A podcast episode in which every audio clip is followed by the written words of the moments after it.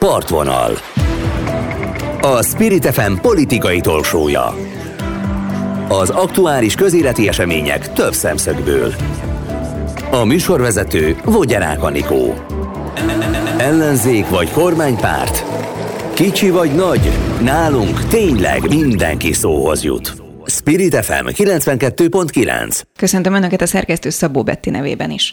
Beavatkozott-e az ukrán elnök a magyar választásba, amikor felszólította Orbán Viktort, hogy döntse el, kinek a pártjánál, mit jelent az orosz embargó a háború kontextusában, és mi a helyzet az uglói parkolásokkal, Ezekre a kérdésekre is választ kapunk a mai partvonalból. Vendégem Budai Gyula országgyűlési képviselő. Köszönöm. Jó estét kívánok!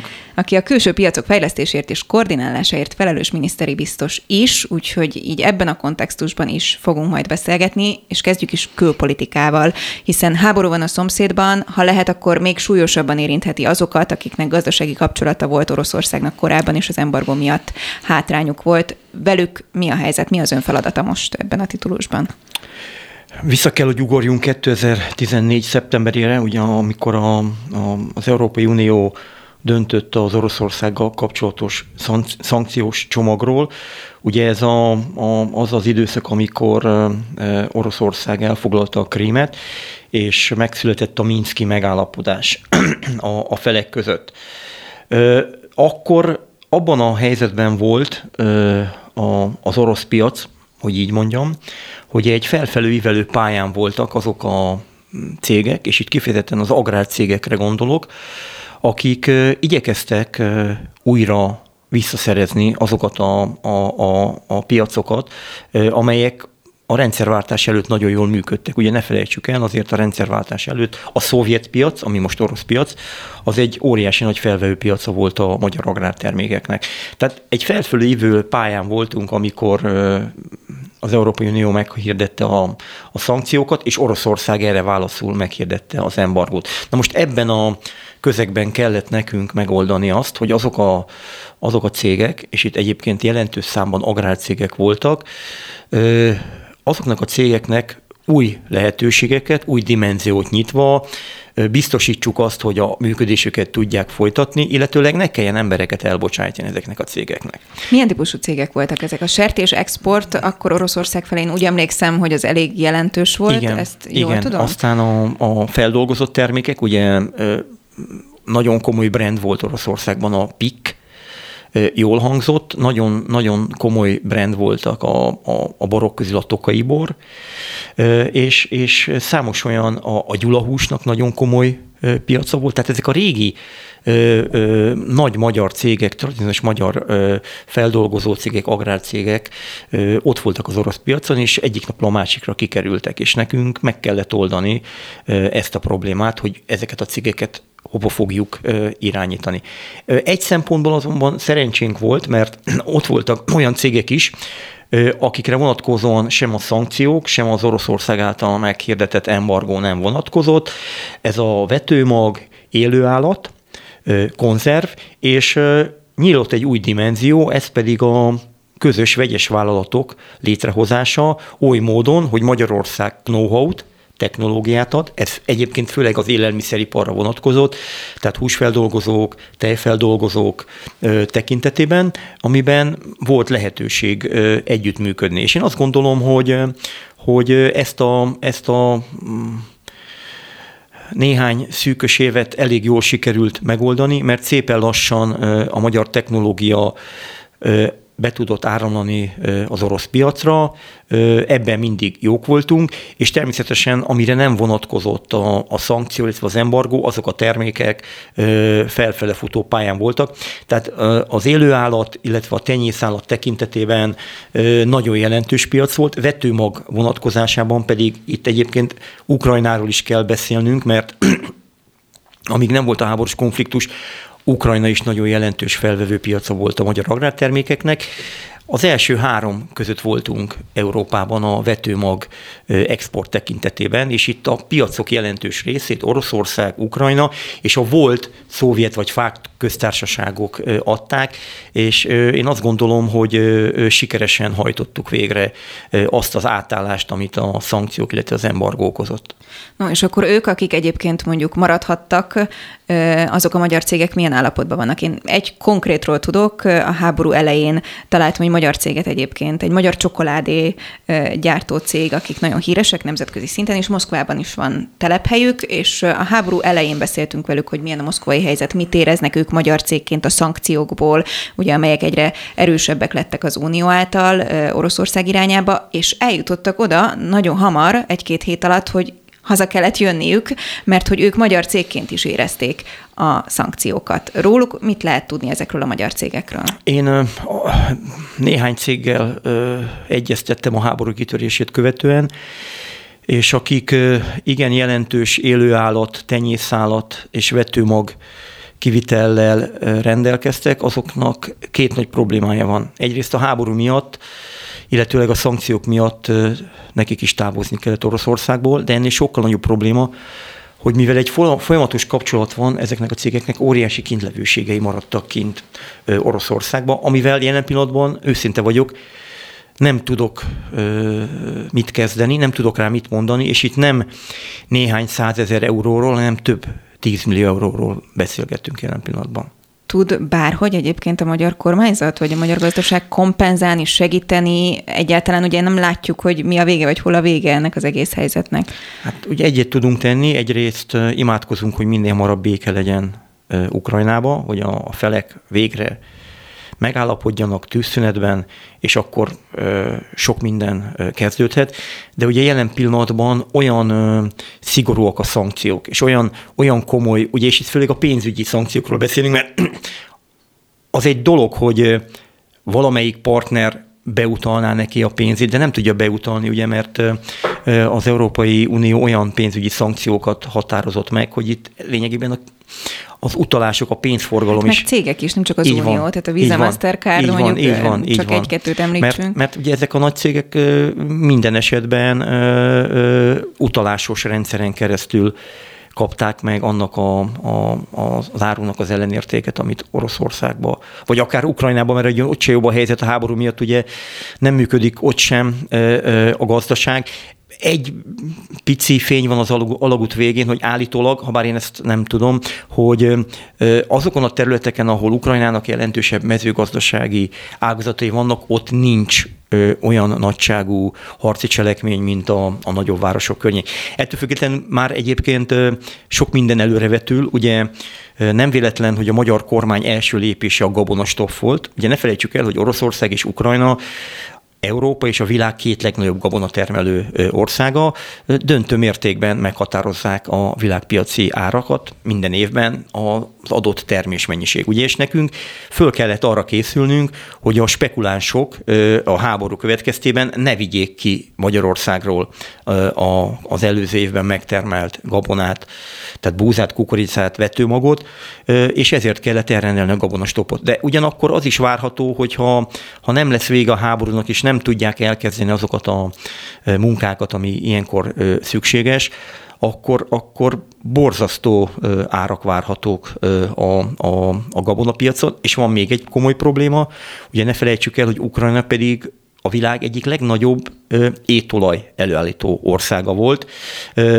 jelentős mértékben meghatározta a kereset és a kínálatot, és hogyha ők sem tudják ezeket a terméket előállítani, akkor mondtam már két, ez a második olyan termék, amibe, amiből szerintem problémák lesznek. Én csak egyelőre a közösségi médián látom, hogy Németországban az üzletek polcáról eltűnt az étolaj meg a liszt, tehát egyébként ez valami, valamit előrevetít szerencsére nálunk Magyarországon még van. Ugye mi önellátók vagyunk, nekünk megvan az a mennyiség, mind ö, ö, a kenyérgabonából, mind étolajból, tehát mi, mi jók vagyunk, de, de nem biztos, hogy ez a helyzet, ha sokáig így megy, akkor, akkor hosszú távon mi ennek a kifutása.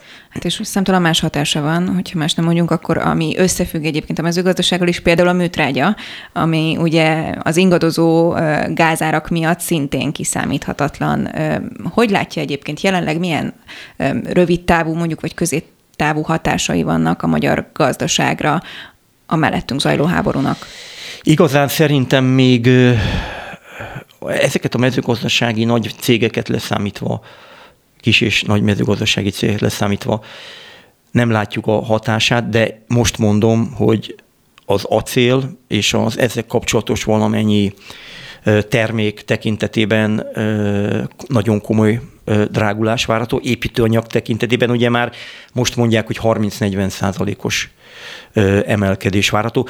A gáz pedig én azt gondolom, hogy most vegyük külön a, a, a mezőgazdaságot, meg a lakossági felhasználást. Ugye a műtrágya alapja a gáz. Tehát ugye már a, a legnagyobb műtrágyagyár, a, a Bige által fémjelezett műtrágya gyár ugye jelezte, hogy nagyon komoly áremelkedések lesznek, ha egyáltalán lesz műtrágya.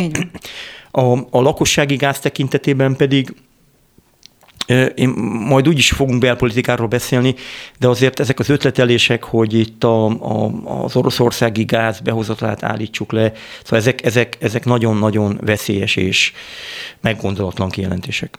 Nagyon nehéz helyzetben van nyilván nem csak Magyarország szomszédként, hanem az egész Európai Unió, a NATO egység, amikor itt szankciókról, megszorításokról van szó a háború kapcsán, ugye Oroszország tekintetében, és a NATO csúcson is legutóbb ez is nyilván kiemelt téma volt, mint hogy említette ez a gáz, hát nem is leállítása, de a függetlenedésre való törekvés az kiemelt topik téma az elmúlt hetekben. Igen, de azért ne felejtsük el, hogy ezt mindig megpróbálják Magyarországra húzni, hogy mi vagyunk a kerékkötéi annak, hogy függetlenedjünk az orosz gáztól és az orosz Nem, mi vagyunk? Nem, a németek de a németeknek sokkal nagyobb a kitettsége ebben a, ebben a dologban, és ne felejtsük Azt mondta, hogy 2030 helyett megpróbálják 27-re elérni a függetlenséget. Igen. Na most azért akkor mondok két magyar adatot, ami nagyon lényeges. Ugye a, a Magyarországnál a lakossági gázellátás 85%-a orosz gáz, a kőolaj 65%-a pedig orosz kőolaj. És ezek egyébként adottságok. Ezt már nálam okosabb emberek elmondták. Elmondta a miniszterelnök, elmondta a Szijjártó Péter. Tehát van egy vezeték, aminek van egy vége, ahol betáplálják a földgázt, meg a kőolajat, meg van egy másik vége Magyarország, ahol megérkezik. Tehát én nagyon boldog lennék, és az elmúlt nyolc évben, amíg a, a külügyminisztériumban Szijjártó Péter mellett dolgoztam, nagyon sok olyan tárgyaláson vettem részt, ahol abban az irányban próbáltunk tárgyalni, hogy függetlenítsük Magyarországot az orosz gázfüggéségtől és az orosz kőolajfüggőségtől. És mi megépítettünk minden vezetéket. Ugye ne felejtsük el, legutoljára megépült itt a, a, a Törökország, Bulgária, Szerbiát összekötő vezeték, ö, ö, akkor megépült a, az északi áramlat, ugye van, van vezeték ö, Ausztriából, ha bár ugye az megint érdekes, mert Ausztriában is a Gazpromnak a tározói vannak, tehát megint orosz gáz érkezik, megérke, megépítettük Szlovákiában, megépítettük Horvátországnál az lng például, Igen. Az, az nekünk opció egyébként, hogy onnan pótoljuk? Hát mi, mi nagyon sok országgal tárgyaltunk ebben, ebben, a, ebben, a, ebben a dologban. Tehát még egyszer mondom, a földrajzi fekvése egy adott országnak ezt a kitettséget meghatározza. Katar is messze van. És, és messze vannak azok a, azok a volt szovjet tagköztársaság, vagy fák tagköztársaság, akik egyébként óriási gázmezőkkel rendelkeznek, de az ide szállítása, a vezeték megépítése az egyelőre ö, ö, lehetetlen. És, és, és nem megoldást szerintem a, ez az amerikai palagás sem. Most lehet, hogy Európa meg Amerika kötött egymással egy megállapodást, hogy a, a palagáz meg az LNG, de hát azért ne felejtsük el, hogy ez az európai földgáz felhasználásnak az egy százalékát jelenti körülbelül. Tehát meg kell, meg kell oldani, azt, igen, igen, igen, látok realitását, de ehhez idő kell. Ugye esély mondom, hanem szakemberek, hogy földgázba három kötőjel hat év, mire le tudunk szakadni az orosz gázról, és kőolajba kettő kötőjel négy év. Ugye megint van egy olyan dolog, amiről sokan nem beszélnek, ugye ne felejtsük, hogy Magyarországon a legnagyobb finomító a százhalombattai finomító. Ez napi 15 millió tonna kőolajat tud feldolgozni. De ez a rendszer úgy van beállítva, hogy az orosz kőolajra, hogy ami a barátságvezetékkel jön. Tehát hiába kapunk mi az arab országokból kőolajat, az egy teljesen más struktúra, tehát ennek az átállítása megint idő. Tehát azért a realitásoknál maradva, igen, mindenképpen fontos, hogy függetlenedjünk az orosz gáztól és az orosz földgáztól, az orosz kőolajtól, de ez idő, időfüggvény. És a, most, hogy mondta a németeket, igen, ők is 2000 30-szor le, lehozták néhány évre, de hát azért ne felejtsük el, hogy, hogy ők is sok mindent mondtak, korábban azt mondták, hogy nem kell atomerőmű, meg nem kell ez, meg nem kell az, most megint újra elő, előkerültek ezek a, ezek a viták az Európai Unióba, tehát azért ez, ez nem egy egyszerű dolog mai reggeli hír volt, talán a 24.hu hozta, és aztán elvileg rosszatom cáfolta is, hogy Paks 2 kapcsán egyébként kihátrálnának az oroszok ebből a történetből, azért, mert olyan szinten kiszámíthatatlan ugye a háború, hogy sokkal nagyobb veszteség lenne egy beruházást elindítani, és aztán befagyasztani, vagy megállni, mint hogy bele sem kezdeni. Erről egyébként van valamilyen információja, tud erről bármi? Hát én is csak a sajtóból tájékozódok, de azért egy dolgot mondjunk meg őszintén, hogy ugye PAS 2 ahhoz, hogy Magyarország energia függetlensége növekedjen és megmaradjon, jelentős és nagyon fontos. Tehát lehet beszélni energiafüggetlenségről, lehet beszélni az orosz gáz és az orosz kőolajtól függetlenségtől, de azért ahhoz bizonyos beruházásokat meg kell csinálni, és Paks 2 egy ilyen beruházás, hogy azt a jelenleg 40 os energia termelést, amit az egyes reaktor tud, a kettes reaktor megépítésével, vagy Paks 2 megépítésével közel 70%-ra fölvigyük. Tehát én azt gondolom, hogy, hogy ez, a, ez, a, ez a járható út. Közben a háború ugye nyilván nem csak gazdasági vagy humanitárius kérdés, hanem politikai kérdés is lett az elmúlt időszakban. Nálunk ugye evidens, hogy kampány véghajrában vagyunk, áttematizálta igazából a kampányidőszakot a mellettünk zajló háború mind a két oldalról.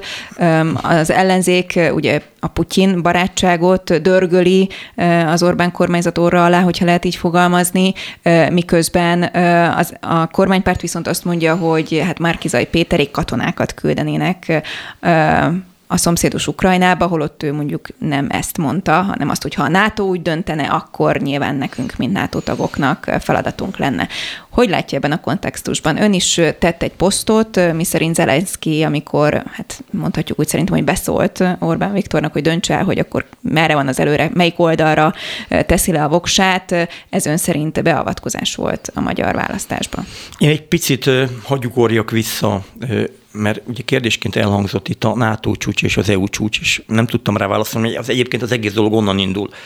Ugye a, a, a NATO csúcson született két nagyon fontos döntés, amiben mi konzekvensek vagyunk, hogy egyrészt a légtérzárat nem támogatjuk Ukrajnába, mert az egy nyílt légiháború, és a békefenntartó erők küldését sem támogatjuk, mert a szintén NATO-Oroszország háborút kezdeményez. Egyébként meg békefenntartó erőket oda lehet küldeni, ahol tűzszünet és béke van. Majd ugye ezt követően jött az EU csúcs, ahol megint sikerült azt a nagyon fontos álláspontot megvédenünk, hogy a szankciók ne terjedjenek ki az energiahordozókra, tehát a földgázra, a kőolajra és a szénre. Én azt gondolom, hogy ez egy nagy siker, de még egyszer mondom, hogy ebben a, a főszerepet én továbbra is azt mondom, hogy a, a, a németek viszik.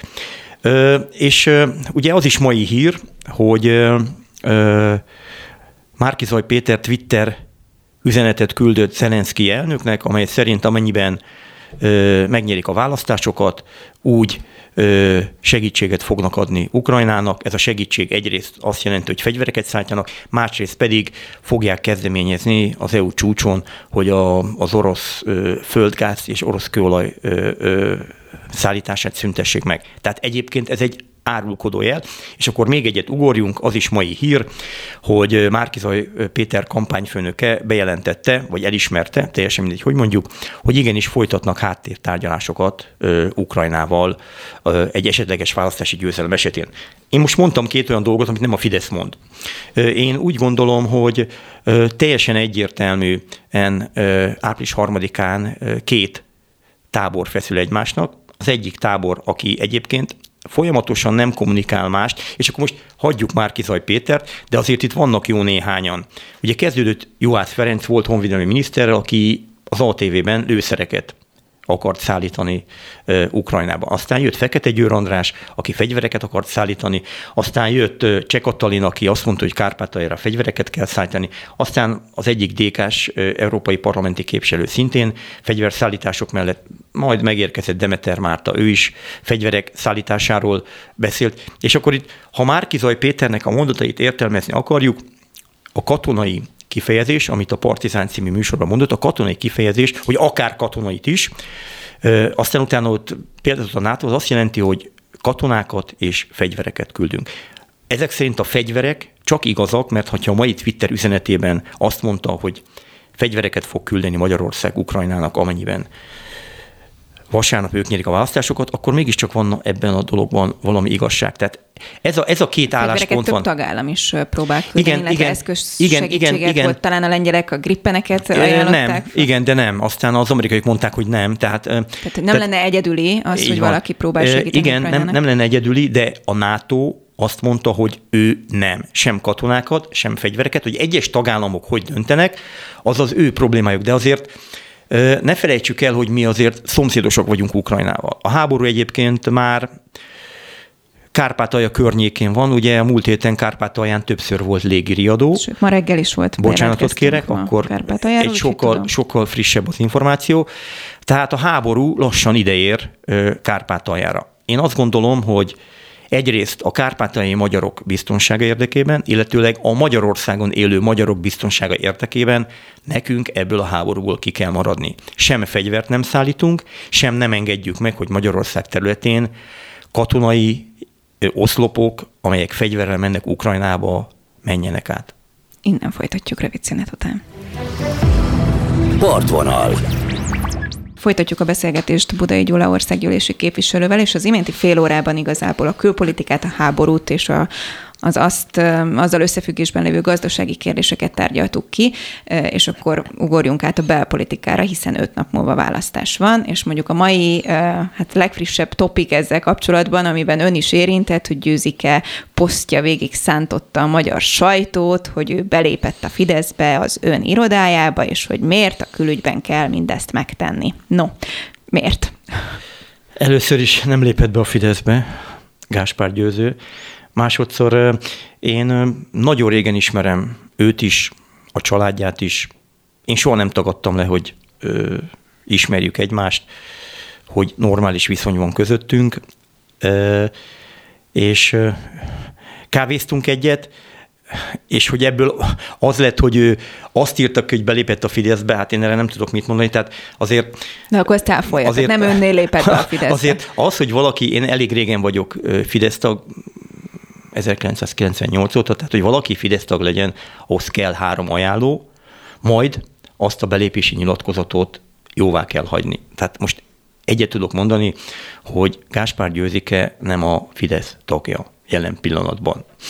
És ezt nem a különben tette, ami szintén fontos kérdés volt ugye a sajtó részéről, hogy Igen. miért használunk fel egy, egy állami intézményt erre. Bocsánatot kérek, hát én ott dolgozom, Ugye most már nincs parlament, és én nagyon sok vendéget fogadok ott. Tehát most van, aki lepo- lefényképezi, kiposztolja, van, aki nem. Hát én, én azt gondolom, hogy ebben ebbe, ebbe nincs semmi, csak tehát én nekem az alapvető problémám az, hogy az elmúlt időszak, lehet, hogy a választási kampány arról szól, hogy művészek, celebek, kit támogatnak, kit nem. És én szerintem ez, ebből, ebből nem lehetne politikai kérdést csinálni, mert, mert mind a két oldalon ezzel kapcsolatban vannak, vannak megnyilvánulások. Ez mindenkinek a saját maga problémája, ezért nem kell embereket megtámadni, ezért nem kell embereket ö, ö, izekre szedni. Ne felejts el, hogy Magyarországról beszélünk szerintem, tehát itt nincs olyan, hogy ne támadjuk meg, meg ne csináljunk Köszönöm politikai szépen. Én, én, belőle. én nem akartam ezt mondani, de én azt gondolom, hogy most én kaptam egy nagyon jó választ a feltevésemre. No, ugorjunk a győzike kapcsán szerintem akkor tovább. Tehát nem Fidesz, vagy legalábbis nem önnél lépett nem, be a Fidesz. Nem, nálam nem lépett be. Majd helyre rakjuk.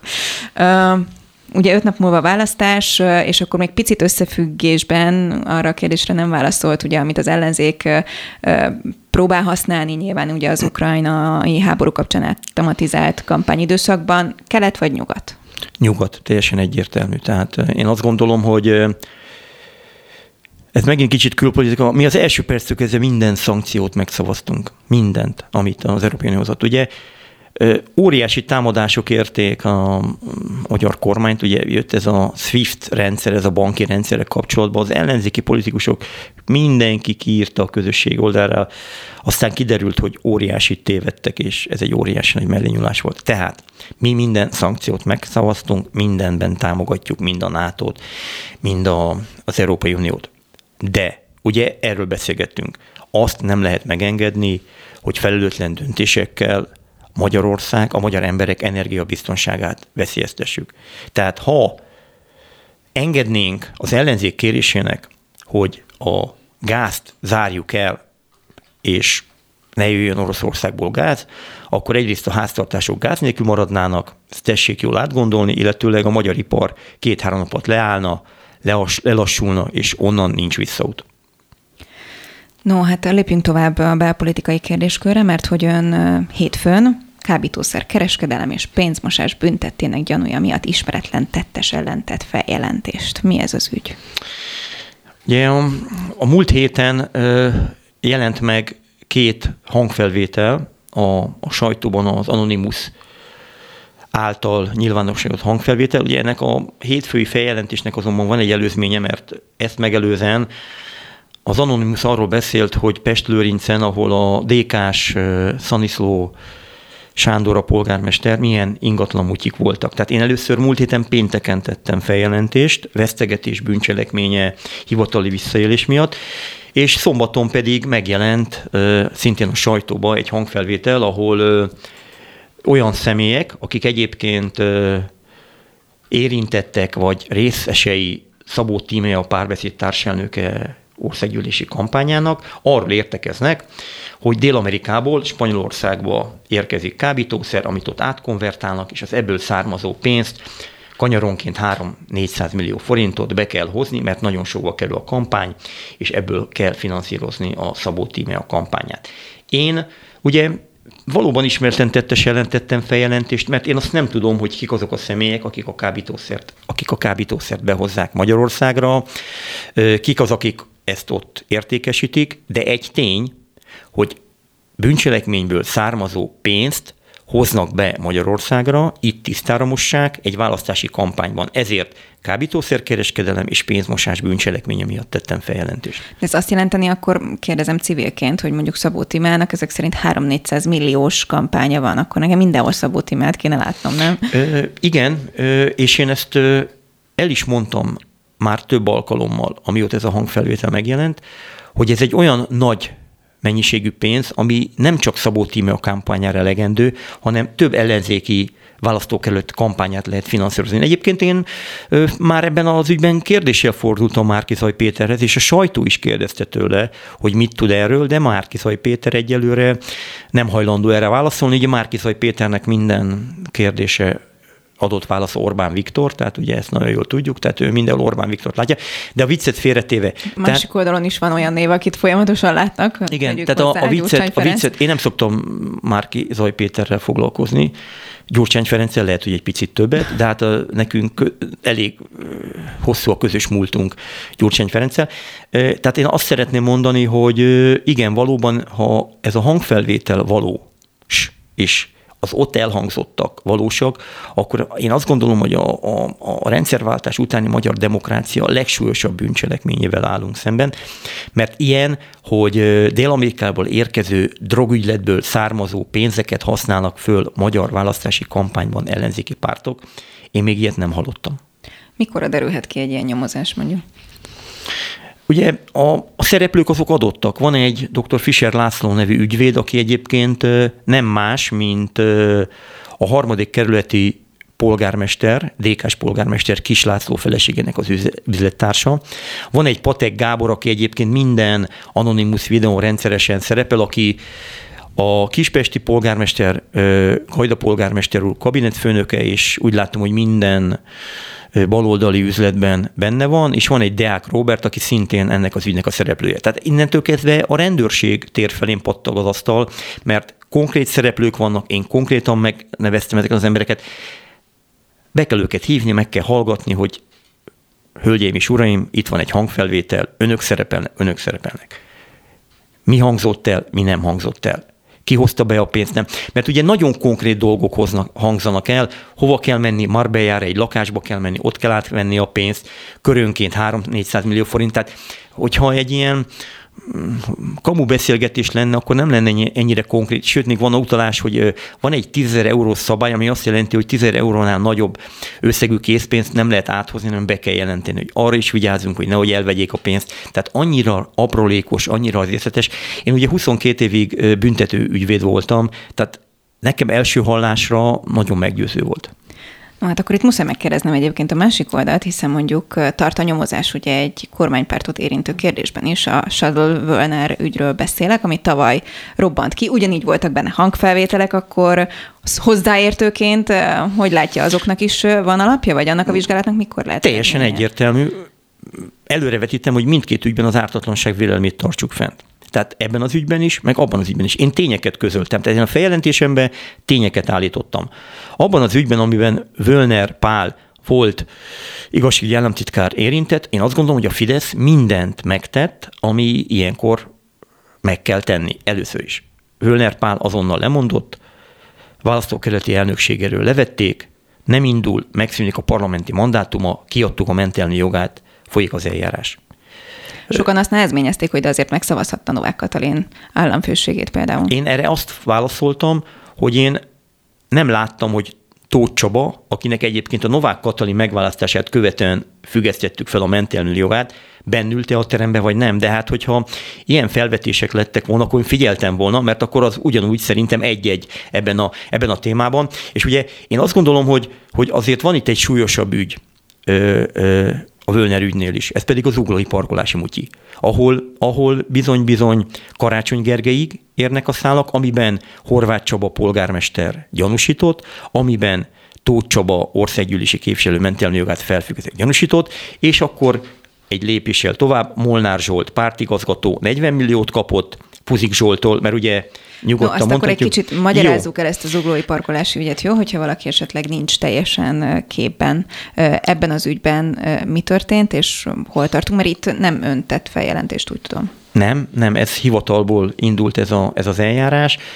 E, ebben az eljárásban a központi nyomozóügyészség jár el, ugye, mivel országgyűlési képviselő érintett a büntető eljárás során, és lényegében egy 2017 19 közötti időszakról van szó, ahol az önkormányzat Karácsony Gergely vezetésével szerződött egy parkolási társasággal, és a sajtóhírek szerint Tóth Csaba és Horváth Csaba, aki akkor még nem volt polgármester, a parkolási bevétel felére tartott igényt attól a cégtől, ami megnyerte ezt a tendert és ezt a pénzt meg is kapták. Az ügyészségi adatok alapján, amit a parlamentben a mentelmi jogkérdésekkel értesítettek, Tóth Csaba és Horváth Csaba több mint 280 millió forint kenőpénzt vettek át ebben az ügyben. És ugye, hogy Karácsony Gergely szerepét nem lehet megkerülni, mert akkor ő volt a polgármester, ő megtette volna azt, hogy ezt a szerződést nem írja alá, élhetett volna a vétójogával, semmivel nem élt, és innentől kezdve már csak egy üres magyarázkodás, amit Karácsony Gergely mond, hogy ő, amikor erről szavazás történt, akkor tartózkodott. De ez a bocsánatot kérek, a közbeszerzési hatóság vizsgált ezt az eljárást, tájékoztatta Karácsony Gergelyt, hogy szabálytalanság történt, és nem a legjobb ajánlatot tevő parkolási cég nyerte meg a tendert. Mi lesz a kifutása egy ilyen ügynek? Ugyanaz, mint az előzőleg beszélt ügyről, nyomoznak, gyanúsítottak vannak, tanukat hallgatnak ki, ugye házkutatás volt, az önkormányzatnál házkutatás volt, Horváth Csaba lakásán házkutatás volt Tóth Csabán. Tehát ez egy nagyon hosszú kifutású ügy. Minden korrupciós ügy nagyon-nagyon hosszú nyomozást igényel, nagyon bonyolult, össze kell szedni a bizonyítékokat. Még egyszer mondom, én tényeket mondok, ami a sajtóban megjelent annak ellenére, hogy az ártatlanság vélelmét mind a Völner ügyben, mind pedig ebben az ügyben én föntartom, mint gyakorló jogász. No hát a kampány véghajrában vagyunk. Ezek az ügyek ön szerint tematizálhatják, vagy befolyásolhatják bármilyen szinten egyébként egy választásnak a kimenetelét? Ha őszint akarok lenni, én azt szerint most a háború mindent visz sajnos, tehát ez egy nagyon szomorú dolog, mert én amióta kampányokban részt veszek, ilyen még nem volt, hogy, hogy egy háború árnyékában fognak a magyar választások megtörténni, és sajnos április harmadikán is még valószínűleg dörögni fognak a fegyverek Ukrajnába, és most jelen pillanatban a, a, a, a, maga a háború közelsége és ez a háborús konfliktus és a háború minden, minden mozzanatával én azt gondolom, hogy teljes mértékben lefedi a választási kampányt. Akkor ezek a belpolitikai ügyek ön szerint nem lesznek erős hatással? Ö, olvassák az emberek, ö, odafigyelnek rá, de én azt gondolom, hogy amikor a, az emberek a, a, a biztonságukról, az életükről, az életük munkájáról kell, hogy, hogy gondolkodjanak, hogy mi lesz, ha esetlegesen ez a háború átcsap, hogy mi is belesodródunk, belekeveredünk, akkor sokkal fontosabbnak tartják azt, hogy, hogy az életüknek ez a része nyugodtan maradjon, ne történjen semmi. Persze elolvassák ezeket a, a korrupciós ügyeket, de mindenki, mindenki azon van, hogy, hogy valóban Magyarország kikerüljön ne kerüljön bele ebbe a háborúba. És még egyszer mondom, tehát ennek ez a tétje. Április harmadikán vagy háború, vagy béke, ez a tét. A Fidesz-KDNP, a béke, a, az ellenzéki összefogás pedig a háború pártjánál ezt azért így erős kijelenteni, hogy a háború pártjánál. Hát azokból, a, azokból az eseményekből, amiről elkezdtük ma a beszélgetést, hogy mik a mai friss hírek, azért én azt, Ön azt gondolom... le ezt a következtetést, én elhatárolodom ettől a kijelentéstől. Viszont még egyet hozzunk be, ami szintén zuglóhoz kapcsolódik azért szegről végről a hatházi ügy amelyben szintén ön indított feljelentést. Ugye a hatházi Ákos megítélése számomra eléggé érdekes. Ugye, tehát először is hogy kerül Szexárdó valaki zuglóba képviselőjelöltnek, ez egy nagy kérdőjel, hogy ő mennyiben fogja tudni a zuglóiak érdekét képviselni, de ennél van egy sokkal súlyosabb probléma, ugyanis mielőtt az ügyészség a parkolási mutyiban, vagy a parkolási botrányban nyomozott volna, vagy nyomozás rendelt volna el, ha Hatházi Ákos már folyamatosan a közösségi oldalon arról értekezett, hogy vannak olyan baloldali önkormányzatok, ahol vezetők érintettsége fog felmerülni bizonyos parkolási ügyekben. Ezek szerint hatházi Ákos sokkal több információval rendelkezett, mint a nyomozóhatóság, vagy bárki. Vagy akkor megint kérdésként fogalmazom meg, mivel léptették vissza Tóth Csabát Zuglóba? Mi volt az az ügy? Hát ez volt az az ügy. De tovább mehetünk karácsony. Ez csak tipp. Ez egy nagyon erős tipp. Ez egy nagyon, nagyon erős, nagyon erős érvén azt gondolom, mert Hatházi Ákos tudott erről a, a parkolási botrányról. És még egy kérdés, mivel léptették vissza Karácsony Gergelyt a miniszterelnök jelölti pozícióból, mert Karácsony Gergely vitte magával az ugróli parkolási botrányt, amikor a fővárosba ment. Hát vagy valóban azt gondolt, hogy Márkizaj Péter esélyesebb nála. Ez is egy tipp. no, mi a Fidesz feladata a következő napokban? Mozgósítunk, én azt gondolom, én ma például voltam a call centerbe, telefonáltam nagyon sokat, holnap megyek vidékre, aktivistákkal járjuk a, a településeket, és, és mozgósítunk, mozgósítunk és mozgósítunk. Mire számít vasárnap? Én nem szoktam jósolni. Én, a, én az elvégzett munkába hiszek. Mindig elmondtam, és ez nagyon igaz. Én 2002-ben megtanultam, hogy nem kutatásokat kell nyernem választást. És Márkizai én, Péter is ezt mondja. Én, én csak, a, csak a munkába hiszek, még van hátra öt nap, kőkeményen dolgozni kell. Látja, találtunk valamit, amiben a végén egyetértenek. Budai Gyula, köszönöm szépen. Én is köszönöm a lehetőséget. Partvonal.